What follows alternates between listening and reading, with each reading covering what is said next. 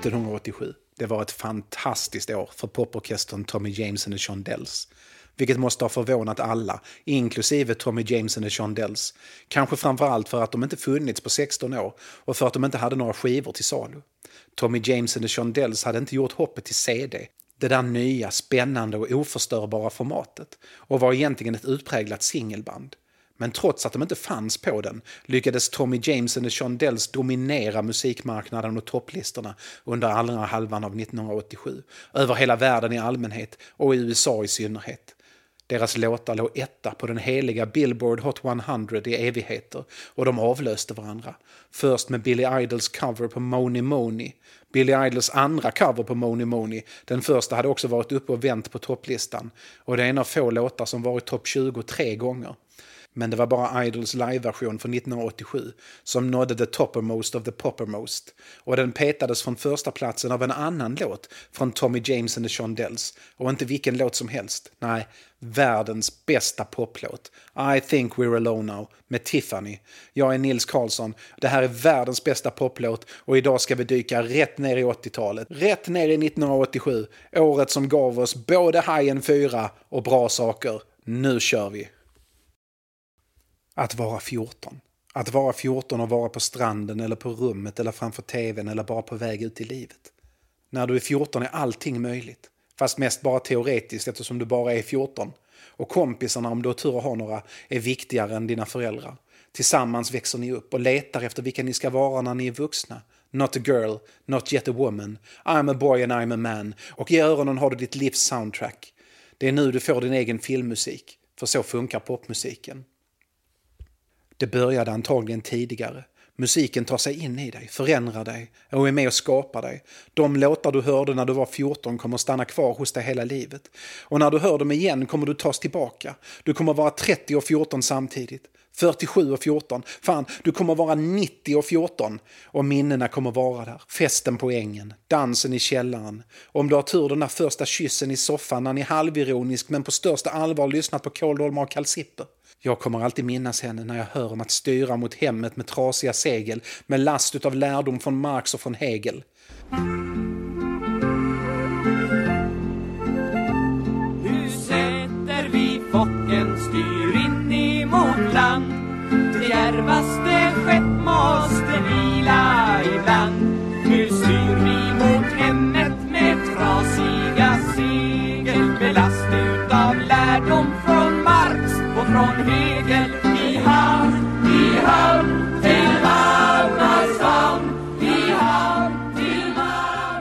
Faktum är att minnet av henne var så starkt att jag nära för mig oklara anledningar tvingade mig igenom Hegel på filosofen i Lund kunde höra Nationalteatern från mina inre öron och känna hennes andetag mot mig. Sådan är musikens makt. Den får oss att vara tidlösa. Forever Young. Och inte pretentiöst Forever Young som Bob Dylan, utan bra Forever Young som Alphaville. Jag var 14 1987. Jag och Pelle gick hem på lunchrasterna och kollade topplistorna på Sky Channel. Och även om vi var hårdrockare så fastnade såklart musiken. Och senare, efter skolan, så fanns musiken kring oss. Musiken förenar. Varje år sitter nya gäng 14-åringar och lyssnar och känner och upplever och lider och plågas och har ångest och är olyckligt eller lyckligt kära och tiden går och den går till ljudet av musik. Det finns en anledning till att popmusiken var bättre förr. Och det beror inte så mycket på att popmusiken var bättre förr, även om den var det, utan på att vi var bättre förr. Mycket bättre förr. När vi var 12, 13, 14, 14 i en evighet och sen 15 och 16 och 17 och så vidare tills vi är 23 och sen går det oundvikligen utför. Eller ungefär 23. Ungefär där börjar vi tycka att var inte musiken lite bättre för 10 år sedan? Och sen 20 år sedan? Och sen sitter vi där och pratar om hur förbannat bra Appetite for Destruction var jämfört med vad det än är som spelas nu. Något autotunat mög ungarna lyssnar på. Det handlar inte så mycket om att Appetite for Destruction eller Guns N' Roses var så fantastiskt bra.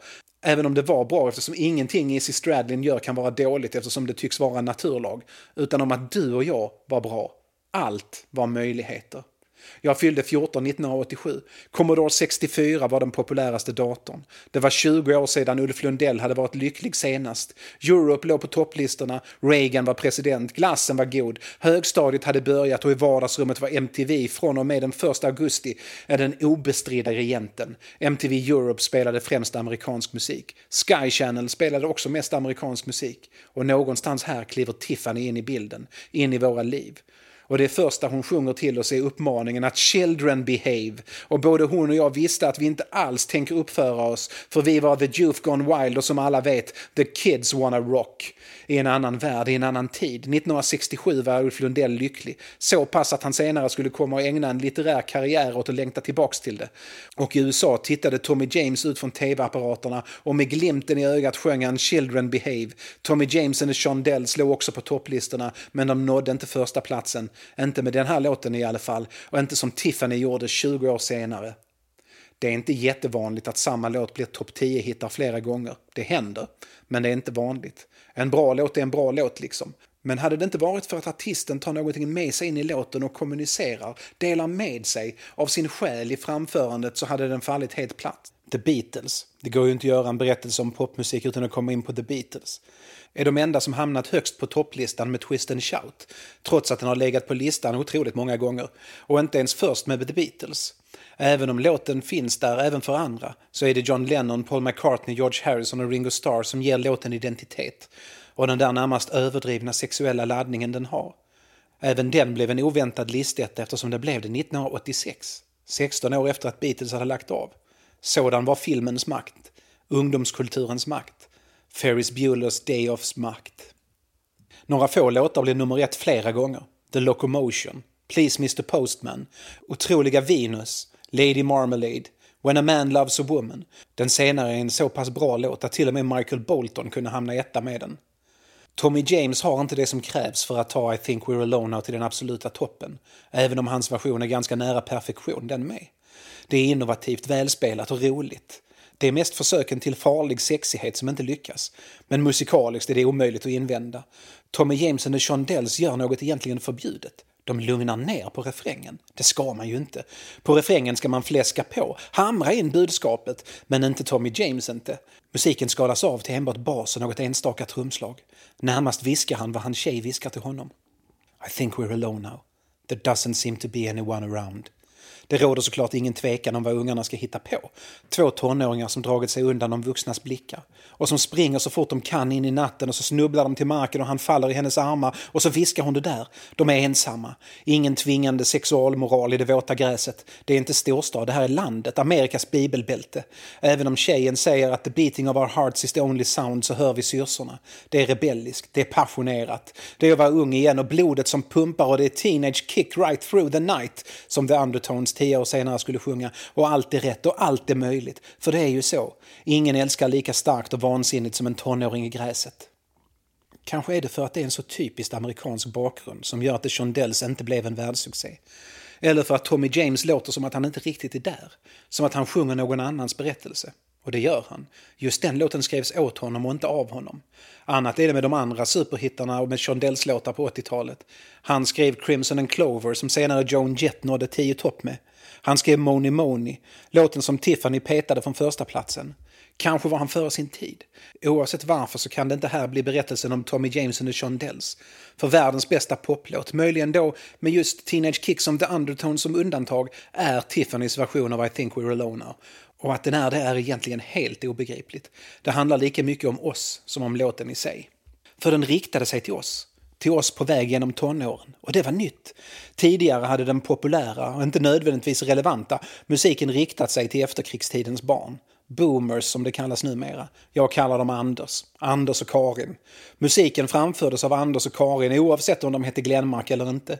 Anders och Karin spelade musiken och köpte musiken och musiken marknadsfördes av Anders och Karin till Anders och Karin. Och det var bra. I början var Anders och Karin unga och modiga, äventyrliga. De köpte The Beatles singlar, de tog bluesen till Europa och när de gamla skivbolagsdirektörerna förstod att det var Anders och Karin som hade pengarna så gav de makten över utbudet till Anders och Karin och popmusiken blev sprudlande och mångfacetterad. Vi fick Motown, psykedelia, hårdrock och tuggummipop, en genre som en del anser uppstod just när Tommy James sjöng nasalt i I think we're alone now, men som snabbt blev ett rent helvete. And now, the Riverdale Carnival presents the Archies. Take care of the kissing booth while we're singing, Sabrina. Okay, everybody, here we go with our new hit record, Sugar, Sugar!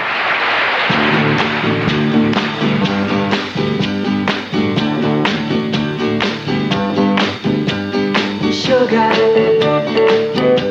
oh honey, honey, you are my candy girl, and you got me wanting you. Runt 1970 var Anders och Karin väldigt vuxna. Men de gick på disco. Deras uppror mattades. Chicago sålde mer skivor än någon annan. Under några år sålde Paul McCartney and the Wings mer än vad Beatles hade gjort. Nu är ordningen återställd vad gäller The Beatles dock. Och ingen kommer ihåg The Wings. Punken var inte Anders och Karins musik, men den sålde aldrig särskilt bra. Konstnärligt intressantare än den livsstil och den musik den gjorde uppror mot, men på topplistorna styrde fortfarande Anders och Karin. När 80-talet sveper in med sin kokainglada nyromantiska populärmusik så är det musik som köps av både Anders och Karin och Anders och Karins barn. För de barnen börjar bli stora nu. När barnen lyssnar på hårdrock blir det Iron Maiden istället för Deep Purple. Men också Maiden är Anders och Karin egentligen. Den nya vågen av brittisk heavy metal kunde märkas med Approved by Anders and Karin. Men MTV ändrade det. MTV möter Anders och Karins barn mer som en kompis än som en förälder. Ja, MTV styrs av Anders och Karins generation. Men det är sladdisarna. Födda en bra bit in på 50-talet snarare än 40-talet. De stora hittarna är fortfarande Anders och Karin såklart. Det är nu gamla proggare sadlar om och intar topplistorna. Genesis petas från första platsen av Peter Gabriel från Genesis som petas av Phil Collins från Genesis och några månader senare ligger Mike Rutherford från Genesis etta. Anders och Karin pikade på 80-talet och börjar köpa skivor de redan har fast på CD. Men makten över kulturen och pengarna börjar glida dem ur händerna och deras barn är beredda att ta över. Tiffany Darwich är den första på de översta tio platserna på Billboardlistan som föddes på 70-talet. Och hon talade, när hon sjöng, direkt till oss som också var födda på 70-talet om saker som vi som föddes på 70-talet brydde oss om 1987. Teenage Kicks. Att bli omfamnad och falla till marken och få höra att hon tror att vi är själva nu. Det verkar inte vara någon annan här. Tiffany's version av I think we're alone now saknar det mesta som gör originalet så charmigt och musikaliskt intressant. Så pass annorlunda är den att killen som skrev låten, Richie Cordell, inte ens tycker det är samma låt. Jag förstår inte hur den kunde bli en hit igen med det arrangemanget, säger han. Jag känner igen min låt men det känns ändå helt främmande. Men man kan inte argumentera med en listetta, säger han och rycker på axlarna. Jag tar gärna pengarna. Cordell har rätt i mycket, men han missar att Tiffany, även om hon själv förnekar det, förmedlar samma oerfarna och längtande drifter som Tommy James gjorde 20 år tidigare. Låten må låta annorlunda, men det viktigaste är där. Och Tiffany kommunicerar det betydligt bättre, om än också betydligt mindre nyanserat än vad Tommy James gjorde. Visst, de omkastade könen spelar in. Det spelade verkligen in i min upplevelse. Det här är inte en kåt kille som försöker smita undan med sin tjej och som nervöst undrar om de äntligen är ensamma. Tiffany är väldigt tydligt en tjej och hennes framförande gör det också klart att hon egentligen inte bryr sig om de är ensamma eller inte. Hon fattar att killen är nervös, så hon spelar med. Visst, de letar rätt på någon avskild plats då, men det är inte så viktigt.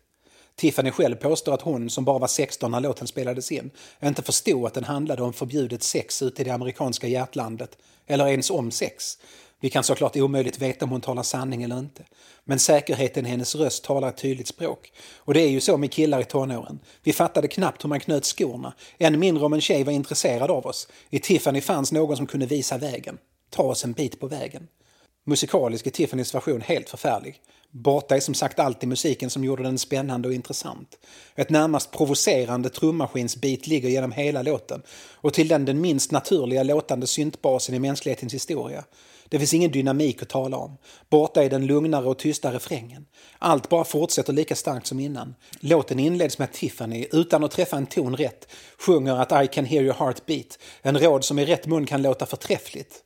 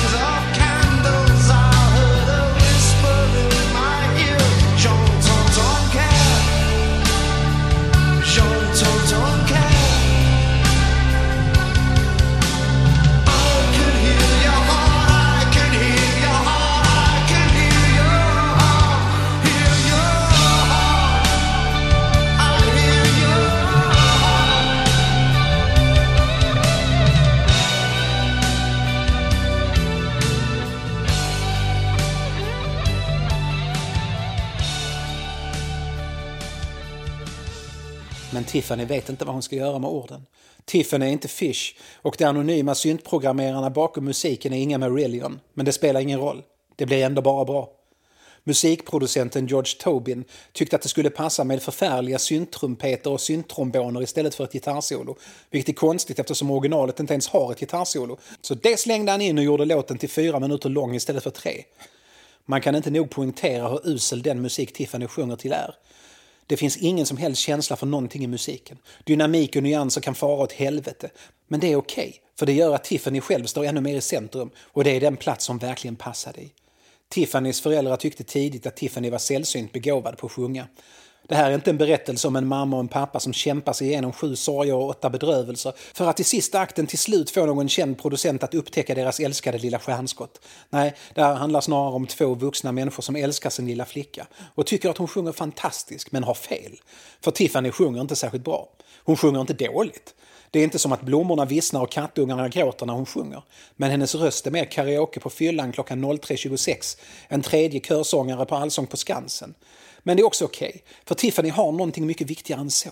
Hon sjunger mediokert men är en fantastisk sångerska. I alla fall på den här låten. Hennes andra stora hit från samma år och LP är en rätt igenom vedervärdig cover på The Beatles I saw her standing there. I Tiffany's värld får de byta namn till I saw him standing there. Det är något med Tommy James and the Shondells låtar och att byta könsperspektiv. Man gör det inte. Tiffany ändrar ingenting I think we're alone och låten blir starkare av det.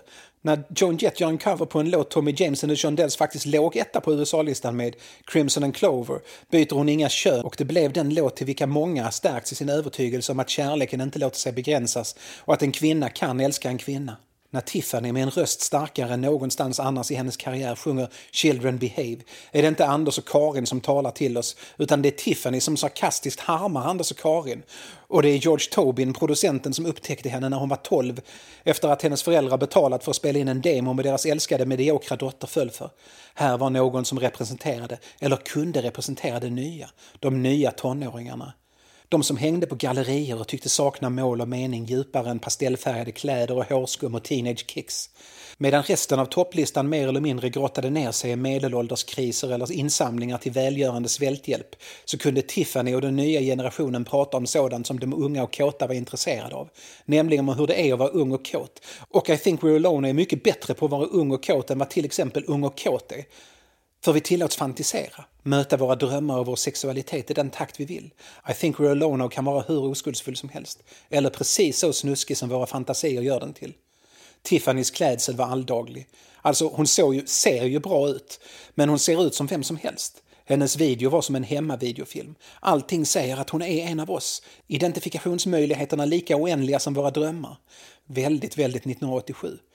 Hade hon kommit nu är risken stor att hon fastnat på Youtube men världen, marknaden var annorlunda 1987. Vissa saker är samma såklart. Hon drog till sig obehagliga mängder äldre män som tyckte att låten talade till deras här och nu och inte deras drömmar där och då. Anders kunde inte hålla sig liksom. Hade det varit idag hade hur många creepy 33-åringar, 40-åringar och 60-åringar superlikat hennes Tinder och erbjudit läxhjälp. Men 1987 var en annan värld, en annan tid. Musiken hon sjunger till är närmast amatörmässigt framförd. Som något vi själva hade kunnat sequensat ihop på vår Atari ST. I de flesta fall hade det varit något dåligt, men här är det ytterligare en vinstfaktor. Hon är en av oss och hon pratar direkt med oss. Hon bjuder upp till dans och satan i det vad vi vill dansa. Tiffany's poplåt kanske bara är världens bästa poplåt för oss som var där, som hörde den 1967 eller 1987, men så kan det vara den delen av filosofin som behandlar den konstnärliga världen, estetiken, är väldigt öppen för att det finns subjektiva konstnärliga värden. Att dessa kan samspela med objektiva estetiska värden om nu sådana existerar. The Beatles kanske rent objektivt var mycket bättre än Dr. Alban. Kanske vi kan gå så långt som att säga att A Day in the Life är en bättre låt än No Coke. Men om du var på rätt plats, på rätt ställe, för att höra hiphop, reggae and dancehouse-style med rätt person, så kan No Coke ändå ha ett för oss andra helt obegripligt värde i ditt hjärta. Och innan du söker hjälp för det, för det behöver du seriöst söka hjälp för, så tänk att I think we're alone var den där speciella låten i Anders och Karins barns liv. Låten till vilken vi klev ut från deras skugga. Tiffany var ingen hårt marknadsförd artist. Ingen ville spela henne på radio. Hon fick inga spelningar. Det kan säkert ha att göra med att hennes musik var lite halvkass. Så George Tobin ser till att hon börjar spela på gallerier. Målkulturens första stjärna i planen och sakta men säkert bygger hon upp ett rykte om sig själv som liveartist. Publiken blir större och större och till slut får hon distribution på sin skiva som spelats in i en hast och radiostationerna får den och möter de låtar skivbolaget vill ha spelade med total apati. Vad de väljer att spela är I think we're alone now, som var tänkt som en utfyllnadslåt. Vare sig Tiffany eller Tobin förstod hur magiskt den var. Tiffany hittar ett speciellt rasp när hon sjunger Into the Night som alla i studion tycker låter för jävligt men de orkar inte ta om det så det får vara kvar. Och det är helt otroligt och närmast att betrakta som ett gudomligt ingripande i inspelningen. Så lite bryr de sig om låten att de blir förvånade när de hör dem på radio. Snabbt som fan får de ut den på singel och klipper ihop en video av Tobins VHS-inspelningar från gallerierna och resten är, som man säger, historia. Mycket kan man säga om nu, men inte att nu är 1987. I den mån vi ens fanns 1987, många gjorde ju inte det, så är vi inte samma som vi var 1987. Är det rimligt att vuxna människor sitter och lyssnar på Tiffany? Nu, idag? Ja, ja! Tiffany själv är ute och spelar hela tiden. Och självklart är I think we're alone med på konserterna. Först gör hon sin set och ingen I think we're alone now. Och folk tror och undrar förvirrat, blir det ens någon I think we're alone now? Men sen kommer hon in och ger ett extra nummer och BAM så är det I think we're alone now. Och alla klappar nostalgiskt och lyckligt och vi struntar i att hon egentligen inte lärt sig sjunga än. Även om hon sätter Into the Night numera och gör låten ibland som rocknummer och ibland som en baktakt baktaktstyngd reggae så är det som att resa i tiden. Det var fan inte alltid roligt att vara tonåring. I think we're alone förflyttar oss och placerar oss i en tonårings kläder. Men det behöver inte vara vårt eget finniga Karin Boye-läsande, The Cure-lyssnande, svåra svartklädda jag. Det kan vara någon som hittat en Tiffany att tumble to the ground med. Att vara tonåring är fan inte alltid roligt, men det är att ha fler möjligheter framför sig än bakom sig. Det är också frihet. Frihet och drömmar om frihet. Visst, vi är vuxna nu. Vi får bestämma själva. Men får vi det? Eller måste vi masa oss upp på morgonen och ta oss till jobbet eller plugget eller arbetsförmedlingen? Och ärligt nu, vänner, det spelar faktiskt ingen roll om vi har det mest tillfredsställande jobbet i världen. Jobbet som är helt utan känsla av alienation och otillfredsställda ambitioner. Jobbet vi känner oss stolta över och som gör världen till en bättre plats. Och som ger oss en lön som räcker till boende och mat och prenumerationer på HBO Max. För visst är vi fast i det. Vi kan inte bara välja att skita i det idag och istället lyssna på popmusik tillsammans med den man längtar efter och röka olaglig växtlighet tillsammans. Eller vad man nu vill. Spela dataspel. Lära sig Smoke on the Water på gitarren. Med Tiffany's hjälp kan vi ändå uppleva friheten. Den eviga sommaren med den eviga kärleken och drömmarna. Drömmarna som ännu inte hunnit krossas och, och det här är poängen och vad jag antagligen Tiffany vill säga. Drömmarna som inte behöver vara krossade. Ålder är en bluff. Vi blir inte för gamla för Don't dream it, be it. Kom, vi rymmer du och jag. Vi håller varandra i händerna och drar iväg mitt i natten. Och jag tar dig i mina armar om du vill. Och medan vi faller mot marken så viskar jag i ditt öra. I think we're alone now. Det verkar inte finnas någon annan här. Men jag kan inte lova att jag tänker uppföra mig.